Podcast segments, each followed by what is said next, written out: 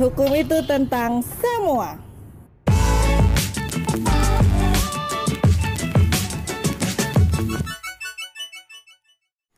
Kembali lagi di Hits Hukum itu tentang semua. Bersama saya Bagas. Dan saya Dia. Nah, hari ini kita akan membahas mengenai hak asuh anak akibat perceraian. Hmm. Karena kalau misalnya teman-teman nih nonton eh, konten kita yang pertama, yang judulnya makin kenal makin sayang, eh, ibu tuh menceritakan atau sharing pengalaman menjadi avokat yang sudah berbelas-belas tahun itu. ya yang menangani satu, suatu kasus ya bu ya, menangani Ya. satu kasus yang berkaitan juga dengan hak asuh anak yang membuat eh, ibu wah ternyata gini ya hidup, gini ya hidup dan oh ternyata jadi avokat tuh nggak boleh baperan ya bu ya. Nggak boleh Intinya. baperan ya.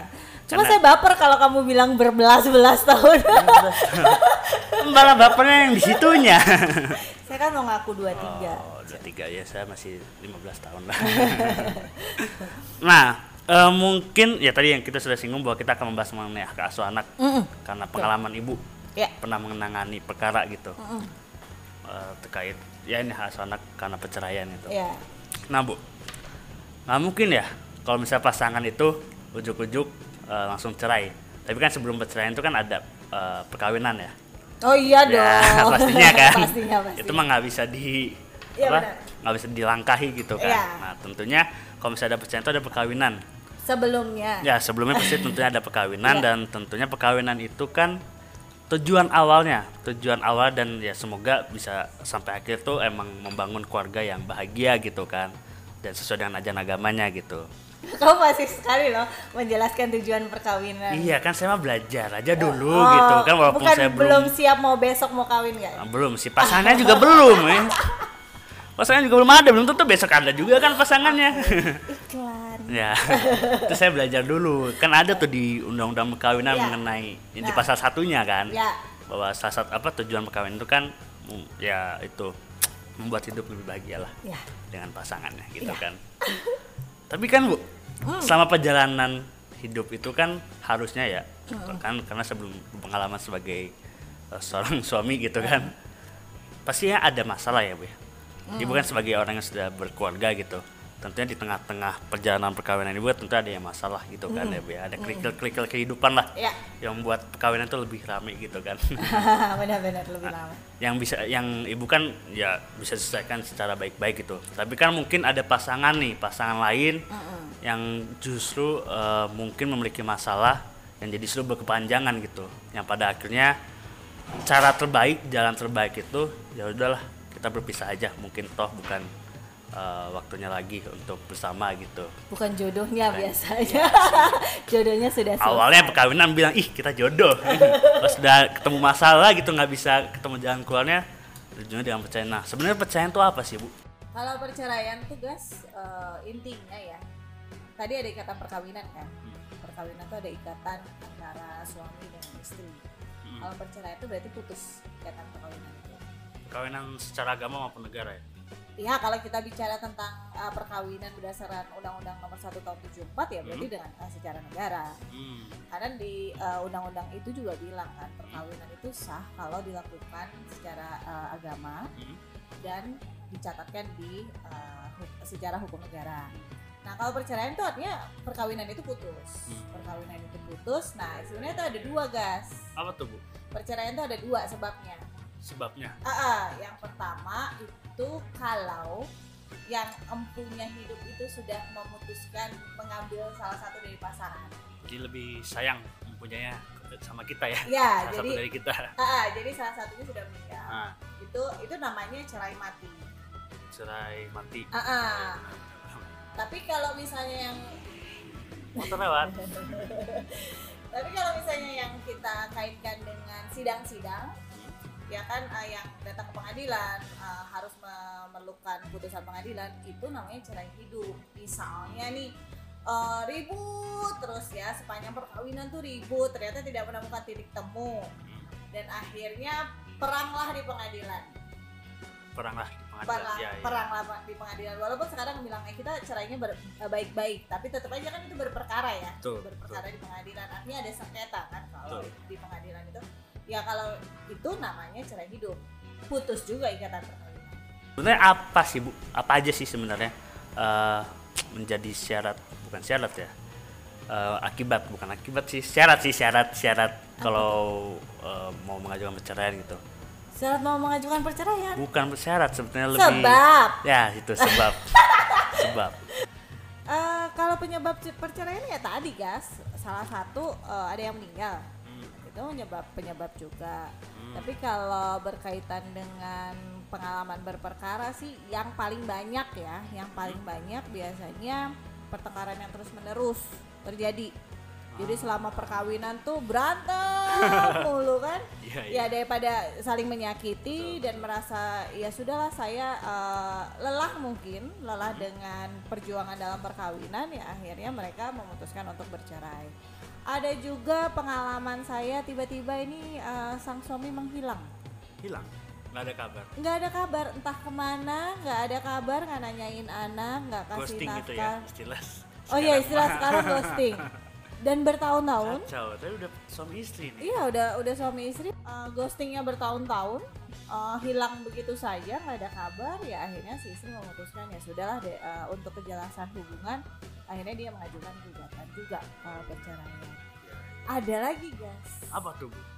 Ini teman teman banget teman sepermainan. teman sepermainan saya. Itu ya istrinya ya suaminya uh, saya kenal baik. Kita kalau ngumpul biasa aja. Seperti layaknya suami istri yang bahagia dengan perkawinannya komunikasi iya. masih sangat baik.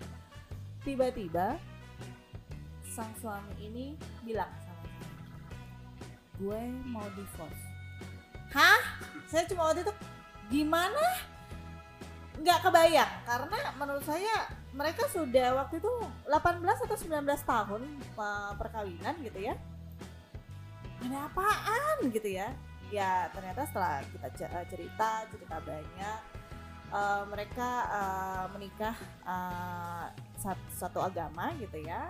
Terus tiba-tiba di dalam perjalanan uh, perkawinannya sang suami memutuskan untuk berpindah keyakinan. Lalu sang istri merasa bahwa oh kalau misalnya sudah berbeda keyakinan di dalam keyakinan istri itu tidak bisa. Dan di dalam keyakinan sang suami pun uh, tidak tidak bisa juga gitu. Akhirnya mereka duduk bareng aslinya mereka duduk bareng sama-sama legowo dan istrinya memahami uh, kondisi keputusannya sang suami untuk berpindah keyakinan ini. Akhirnya mereka datang bareng ketemu saya lagi.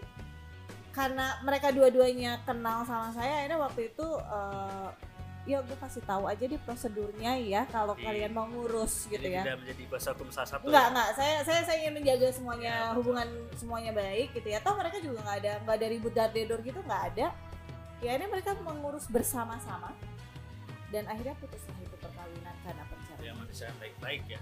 Diselesaikan baik-baik. Nah bu, berarti kan kalau misalnya udah tahu nih penyebab perceraiannya, uh -uh. kan kita ngaju nih ke pengadilan. Uh -uh. Nah sebetulnya kan ada nggak sih bedanya kita ngajuin pengadilan? Misalnya kalau saya beragama Islam gitu, saya harus ngajuin ke pengadilan mana gitu? prosedur uh, pengajuan perceraian ya guys ya uh, jadi uh, memang ada pembeda kalau untuk yang beragama Islam sama yang non Islam jadi kalau yang beragama Islam itu kalau yang mengajukannya suami itu bahasanya permohonan. Kalau yang mengajukannya istri itu namanya gugatan perceraian. Nah, itu diajukan di pengadilan agama. Pengadilan agama. Ah, jadi pengadilan agama itu khusus uh, untuk yang beragama Islam. Pengadilan agama itu ada di dalam peradilan agama, badan peradilan agama. Sedangkan kalau yang non Islam ya, itu gugatan perceraian diajukan di pengadilan negeri hmm. yang ada di dalam uh, ruang lingkup Badan Peradilan Umum. Jadi uh, kalau yang di agama dulu ya, kalau di pengadilan agama uh, sudah putus, lalu salah satu pihak tidak uh, motor. salah satu pihak itu tidak puas dengan putusan, dia bisa mengajukan banding. Nah, mengajukan banding ini di pengadilan tinggi agama. Lalu kalau misalnya ada yang tidak puas lagi, dia bisa mengajukan kasasi. Kalau memenuhi uh, alasan kasasi ya, itu di uh, Mahkamah Agung.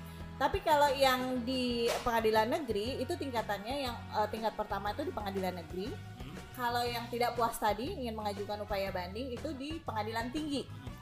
Nah, kalau uh, ada yang tidak puas dengan putusan uh, banding lalu memenuhi persyaratan uh, alasan kasasi ya, itu boleh mengajukan uh, kasasi di Mahkamah Agung.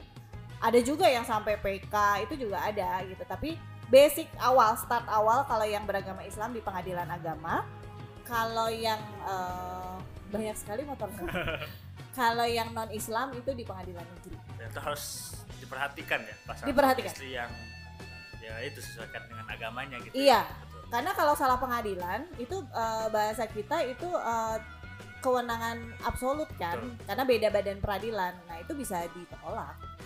Nah bu, kalau misalnya tadi tujuan dari perceraian hidup itu kan ya ya udahlah, maksudnya si perkawinan itu sudah tidak bisa dipertahankan gitu. Mm -mm. Artinya kan suami ini suami istri ini kan pisah kan. Mm -mm. Nah sebetulnya ada efek gak sih bu? Kan setelah mereka mengajukan ke pengadilan, mm. terus ada putusan gitu kan yang menyatakan bahwa ya udah pisah gitu antara suami dan istri. Itu ada efek gak sih dari perceraian itu sendiri selain hubungan uh, suami istri itu ya sudah terputus gitu? Efeknya apa nih? Psikologis. Efek ya, psikologis ada juga. Bisa, misalnya efek dari misalnya kalau misalnya mereka punya anak nih, bisa ada efek oh. ke anaknya enggak sih? Efek-efek kayak psikologis buat pasangan gitu bukan sih pertanyaanmu? Betul. Ada loh yang bahagia dengan perceraian. Oh ya? Karena kan tadi kan contohnya misalnya dia dalam perkawinan dia uh, berantem terus. Oh makan hati gitu ya tersiksa begitu dia perceraian dia merasa lega dia merasa menemukan hidupnya kembali kan ini bahagia plong plong ada juga yang begitu tapi mungkin uh, saya mencoba nangkap ya, uh, mak ya maksud kamu ini bukan sih uh, ada permasalahan lain seperti gunung gini atau hak asuh anak itu juga bisa menjadi efek suatu perceraian ya. Yeah. Tapi so far sih gini, itu akan menjadi efek yang menjadi permasalahan tersendiri kalau pasangan yang bercerai ini tidak bisa menyelesaikan permasalahan itu secara kekeluargaan. Karena banyak juga perceraian yang yang penting putus ikatan perkawinan, tapi untuk masalah gonogini dan hak asuh anak mereka tidak mempeributkan. Belum kali, belum mempeributkan. Ada yang belum, ada yang memang tidak, ada yang memang sudah dari awal perang yang gerot gitu kan ributnya. Jadi misalnya nih ada yang ya sudah yang penting kita uh, cerai anak kita urus bersama-sama ya ini kan nggak ada nggak ada keributan soal hak asuh anak gitu ya. Tapi ada juga yang uh, harta gono gini gimana nih? Kita bagi. Rumah harus dijual tapi salah satunya nggak mau nggak mau menjual. Akhirnya muncullah perkara baru. Itu juga ada. Gitu. Jadi efeknya sebenarnya banyak ya. Tapi tergantung kembali lagi apakah itu menjadi satu permasalahan tersendiri yang akhirnya juga menjadi satu keributan juga atau yang memang terpisah uh, diselesaikan yang satu kan karena kalau perceraian itu kan memang memerlukan putusan pengadilan. Betul. Sedangkan Betul. kalau harta gono gini atau memang dia ingin mengasuh anak bersama-sama kan dia nggak perlu putusan pengadilan gitu hak asuh anak itu Bisa ada di siapa. Aja ya. Iya betul. Nah bu, hmm. uh, ibu nih selama, selama berkarir hmm. kan salah satunya ibu pernah menangani mengenai hak asuh anak ya akibat hmm. perceraian. Nah sebenarnya sebelum saya menanya pengalaman ibu, sebenarnya mengenai hak asuh anak ini sendiri tuh diatur di mana sih bu? Bahwa sebenarnya kan hak asuh anak itu kan emang maksudnya orang tua berkewajiban mm. berkewajiban di apa mengurus anak-anaknya gitu walaupun uh, hubungan perkawinannya sudah putus itu kan mm. diatur di dalam undang-undang perkawinan mm. nah selain itu ada diatur di mana lagi sih di hukum kita ini uh, mendapatkan kasih sayang itu ya mendapatkan perlindungan itu hak asasi hak hak asasi apalagi sekarang kalau kita bicara uh, yang menjadi uh, efek dari perceraian itu yang paling terasa itu sebenarnya kan anak di bawah umur ya. Kalau kita bicara tentang anak itu kan anak di bawah umur. Kalau anaknya sudah dewasa, saya rasa sih nggak terlalu ada efek, ada efek psikologis, ada efek efek-efek mungkin juga uh, menjadi masalah tersendiri. Tapi uh, kalau kita bahas soal hak asuh, artinya kan kita akan bicara anak di bawah umur. Anak ini kan masih membutuhkan perlindungan ya, masih membutuhkan kasih sayang. Jadi ini yang tetap harus diutamakan bahkan uh, kalau kita lihat di undang-undang pelindungan anak uh, di undang-undang perkawinan sekalipun itu ya sekalipun si orang tua ini bercerai bapak ibunya ini berpisah ya atau mungkin masing-masing sudah menemukan uh, pasangan yang baru kepentingan anak adalah yang paling utama. Artinya tidak mengurangi tanggung jawab uh, bapak ibu uh, untuk memberikan kasih sayang, tidak mengurangi jatah perhatian ke anak. Pokoknya semuanya uh, fokus harus anak ini tidak boleh merasa kurang baik kebutuhan uh, terutama kebutuhan psikologis ya karena kita bicara kasih sayang bicara perlindungan dibandingkan sebelum terjadinya perceraian artinya uh, dia harus merasa bahwa dia uh, bahagia dia nyaman dia kepentingannya terpenuhi dia merasa kasih sayang ini penuh pada saat uh, orang tua ini masih harmonis. Jadi, It, jadi perlu bahwa itu pada akhirnya tuh untuk kepentingan anak ya? Harus ya. diutamakan. Diutamakan kepentingan anak. Iya jadi perceraian boleh terjadi tapi kepentingan anak itu harus tetap diutamakan. Jadi nggak nggak tiba-tiba udah cerai ya udah aja itu kan uh, ada di hak asuhnya ada di istri misalnya atau hak asuhnya ada di suami ya. Jadi yang tidak menerima hak asuh tidak memegang hak asuh atas anak-anak di bawah umur ini menjadi lepas tangan itu nggak boleh. Betul, karena memang anak tuh masih membutuhkan ya. Sangat. Sangat membutuhkan yes. dari kedua orang tuanya betul. gitu. Nggak bisa pincang kan kalau misalnya dari bapak bapak itu nggak akan mungkin menjadi uh, seorang ibu. Betul. sesempurna apa pun bapak. Masih butuh sosok seorang ibu. Seorang ibu. Uh, ibunya pun begitu. Sekalipun mungkin tergantikan oleh orang lain tapi tetap uh, naluri. Feel. ya feeling anak ini nggak uh, bisa kayak apa. Ini bukan anak ayam yang tinggal dipindahin atau disuruh A suruh B suruh lari dia lari. Enggak kan? Perlu uh, proses itu yang bisa jadi mm, menyakitkan anak mungkin nah itulah yang justru dihindari kalau kita bicara tentang perlindungan Bu, anak tadi ya. kan ibu sudah menjelaskan bahwa sebenarnya orang tua yang sudah bercerai mm -hmm. itu tetap memiliki kewajiban uh, untuk mengurus anaknya karena ya. kan anak di atas segalanya ya mm, kepentingan Jadi, anak ya, di atas kepentingan segalanya anak Betul. tuh uh, di atas segalanya gitu. Yeah. Jadi walaupun orang tua sudah bercerai, mm -hmm. mereka tetap bertanggung jawab untuk mengurus anaknya. Ya betul. Nah, ibu kan sudah menjadi avokat nih. Mm. Dan kebetulan kan di konten pertama kita kan ibu sudah sharing nih eh, gejolak-gejolak uh, atau ya batin ibu sama menjadi avokat dengan menangani, menangani suatu perkara mengenai hak asuh ya mm. waktu itu. Mm Nah sebenarnya cerita lengkapnya itu seperti apa sih bu? Kenapa bisa sampai seperti itu gitu? Kalau perceraiannya saya nggak tahu gas, karena uh, itu nggak saya pegang perkaranya, bukan saya yang mendampingi. Um, jadi uh, suatu saat itu ada seorang bapak datang ke kantor, hmm? dia uh, membawa surat panggilan sidang hmm? hak asuh anak. Hmm. Jadi uh, itu terjadi uh, mungkin setahun atau dua tahun setelah perceraian itu saya lupa dia datang dengan muka yang pasti penat kali ya yeah. yang waktu itu tuh saya yang ini kenapa ya? Karena waktu itu kan saya memang saya nggak kenal. Kan datang akhirnya kita ngobrol. Kita waktu itu kan sebelum kita terima kuasa ya kita tanya kan ada apa? Gitu kan. Maksudnya uh, perjalanan kita tarik mundur gitu kan selama perkawinannya seperti apa lalu kenapa terjadi perceraian. Ceritalah itu semua. Nah, memang pada saat perceraiannya itu terjadi, uh, mereka itu punya kesepakatan sebenarnya mereka uh, berniat bersama-sama untuk mengasuh anak-anak karena anak-anaknya dua orang ini masih di bawah umur. Oh. Uh, uh, jadi waktu itu memang yang diurus hanya perceraiannya saja gitu kan. Nah, faktanya memang anak-anak ini tinggal bersama bapaknya di Bandung sedangkan ibunya itu uh, saya lupa uh, di mana tepatnya ya itu yang jelas di Jabodetabek artinya beda kota. Jadi ibunya ingin uh, hak asuh anak ini ada di tangan ibunya.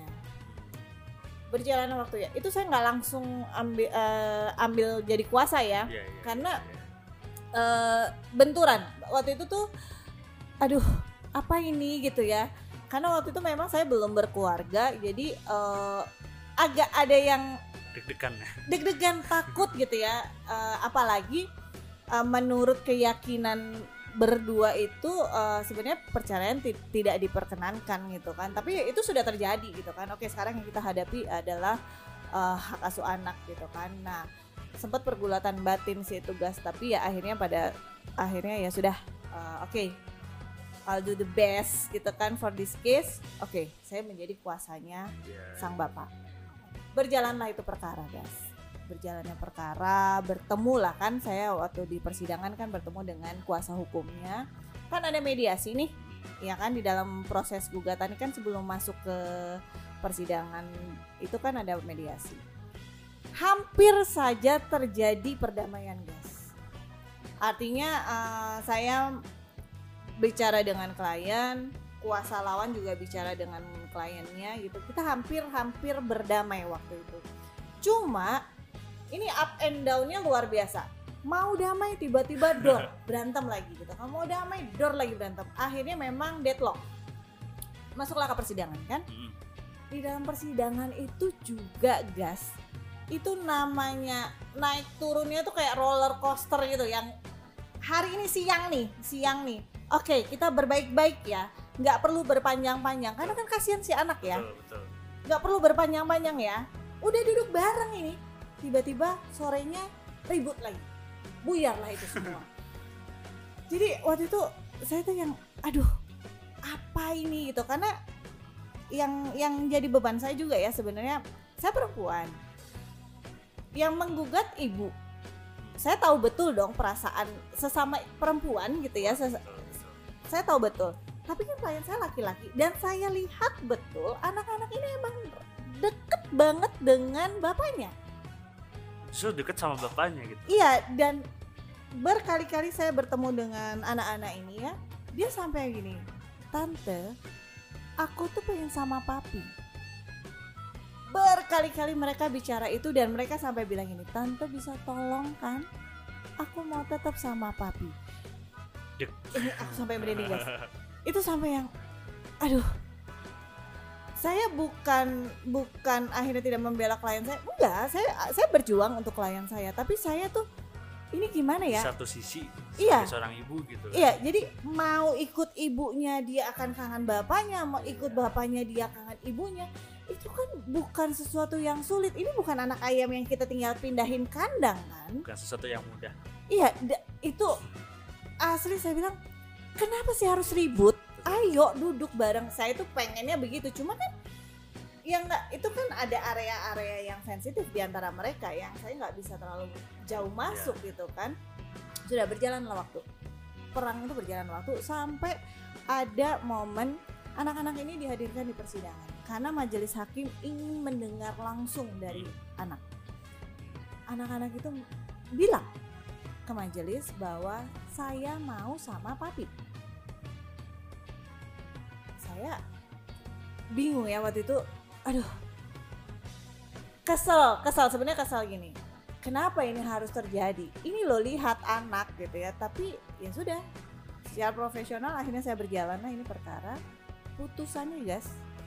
Ibu yang mana? Ibu yang mana? Ibu yang mana? Ibu sebagai kuasa hukum bapaknya tuh kalah. Kalah. Wow. saya waktu wow. itu langsung gini. Takut Takut kenapa? Perasaan pertama saya waktu mau putusan hmm. itu saya udah ketakutan. Begitu jatuh putusan saya takut. Bukan takut karena saya kalah, enggak. Saya merasa bahwa saya kalah, tapi uh, saya yakin betul klien saya tahu bahwa saya sudah berjuang maksimal.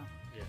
Saya nggak takut dengan kekalahan itu, tapi yang saya takut karena saya membayangkan ini anak harus pindah yang tadi biasa dengan bapaknya harus dengan ibunya nah kalau kangen gimana? Betul. Beda kota loh betul. guys masanya itu kan beda kotanya itu. Iya kangen kan nggak bisa ntar kangennya hari senin ya.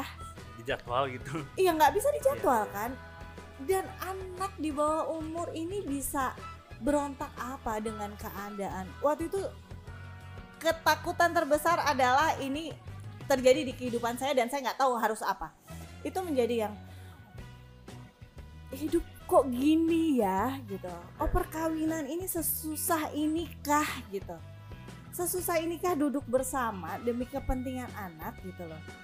Sesusah inikah meninggalkan ego ego masing-masing. Ya ini sudah cerita panjang di antara mereka karena ada mungkin ada luka apa segala macam ya. Waktu itu wah saya udah saya nggak tahu lagi. Biasanya kan kalau kalah ya ya udah banding aja upaya hukum kan kita tahu. upaya hukum lain ya. Ya kita kan tahu upaya hukum kalau eh, kita tidak puas dalam putusan kan bisa banding. Kalau ada alasan kasasi kita bisa kasasi. Tapi di saat itu saya blank. black saya nggak nggak mau mengambil banding aja pak. Nggak. Berhari-hari ini saya diem diem saya ngerenung. Saya bilang kasih saya kesempatan sebentar saja pak. Saya gitu. nanti kita bicara lagi akhirnya eh, saya lupa dua atau tiga hari kemudian kita ketemu saya ngobrol ngobrol dari hati ke hati yuk kita duduk bareng dong gitu ya ajak ajak eh, sang ibu untuk bicarakan demi kepentingan anak. Jadi waktu itu memang eh, saya sebagai kuasa, lalu ada kuasa hukumnya juga penggugat, lalu sang bapak dan sang ibu kita duduk bareng. Waktu itu ya memang ada masih ada kekesalan, masih apa unek-unek semuanya keluar, tapi gas akhirnya yang menjawab doa saya adalah akhirnya mereka legowo dan mereka bisa menurunkan ego masing-masing dan akhirnya melihat anak-anak ini nyaman dengan siapa. Sampai beberapa tahun kemudian saya dapat kabar memang anak-anak ini tetap ada di bapaknya Hmm. dan puji Tuhan komunikasi antara bapak dan ibu akhirnya membaik. Gitu. Dan saya bilang, aduh God's hand gitu. Itu yang lega tuh justru sampai ke kuasa hukumnya jadi lega ya iya ini dari gue, aku merinding nih. Itu itu benar-benar yang kalau perkara berantem biasa tuh kayaknya biasa ya biasa gitu ya. sehari-hari itu ya ah, tapi ini ujian banget gitu loh yang udah berat ya pasti Eh, entah bapaknya entah ibunya yang pasti sih berat buat anak ya. Artinya eh, perceraian itu ternyata eh, dalam. Betul. ya hak asuh anak ini dalam ya. dalam banget. Jadi siapa pun yang memegang hak asuh anak kalau misalnya tidak bisa mengkomunikasikan dengan baik dengan mantan pasangan anak akan tetap akan terluka sih sebenarnya. Kalau dengan perceraiannya aja mungkin anak sudah terluka gitu. Iya betul. Apalagi dipemasalahin mengenai hak asuh anaknya. Betul. Kalau prosedurnya mah gampang ngajuin gugatan. Ya, benar. Selesai ada bukti kan? Bukti-bukti eh, apa menguatkan dalilnya diputus hak asuh. Tapi bukan itu. Tujuan. Hukum hukum ternyata eh, bawa efek banyak di Iya. kehidupan saya soal soal itu dari perkara itu sih. Baper baper itu benar-benar baper. Saya udah yang bilang jangan baper jangan baper jangan Iya. baper. Pakai logika pakai nggak bisa, bisa. saya udah waktu itu nggak bisa. Ini saya masih merinding ya? Masih takut takut takut itu terjadi di banyak orang. Takut itu terjadi kehidupan saya. Akhirnya ya sudah Lila pokoknya itu masih susah ngomong ya itulah. Oke oke oke. Jadi nih saya yang belum punya pasangan. Oke teman-teman, kalau mungkin teman-teman ada ingin ditanyakan nih atau mau konsultasi terkait eh, hak asuh anak, kan karena tadi kita bahas mungkin baru kulitnya aja ya, baru dasarnya gitu. Mm-mm. seperti biasa kalau kita sampai bijinya nginep Iya dong di teman kopi ini nanti kita bisa sampai besok. nah bisa langsung aja komen di eh, YouTube kita atau kalau misalnya eh, mau DM kita juga bisa di Instagram maupun di Facebook ya. Di apa namanya? hitspodcast.official Betul. Nah nanti ada di bawah ya pasti. Jangan lupa di eh, di follow ya. follow Facebooknya Bagas Facebook saya sama nemu teman kopi Ya. Facebook eh, hits juga Instagramnya juga nanti ada di bawah jangan lupa gas Dan jangan lupa ini, apa jangan yang lupa nggak lupa subscribe, subscribe dulu, subscribe like, Hmm? share dan klik tombol loncengnya supaya tahu kalau kita ada konten terbaru Betul sekali. Oke, sampai ketemu di konten berikutnya bersama Hits. Hukum itu tentang semua. Di mana ada aturan dan sanksi di situlah hukum berdiri bye bye, Bye-bye.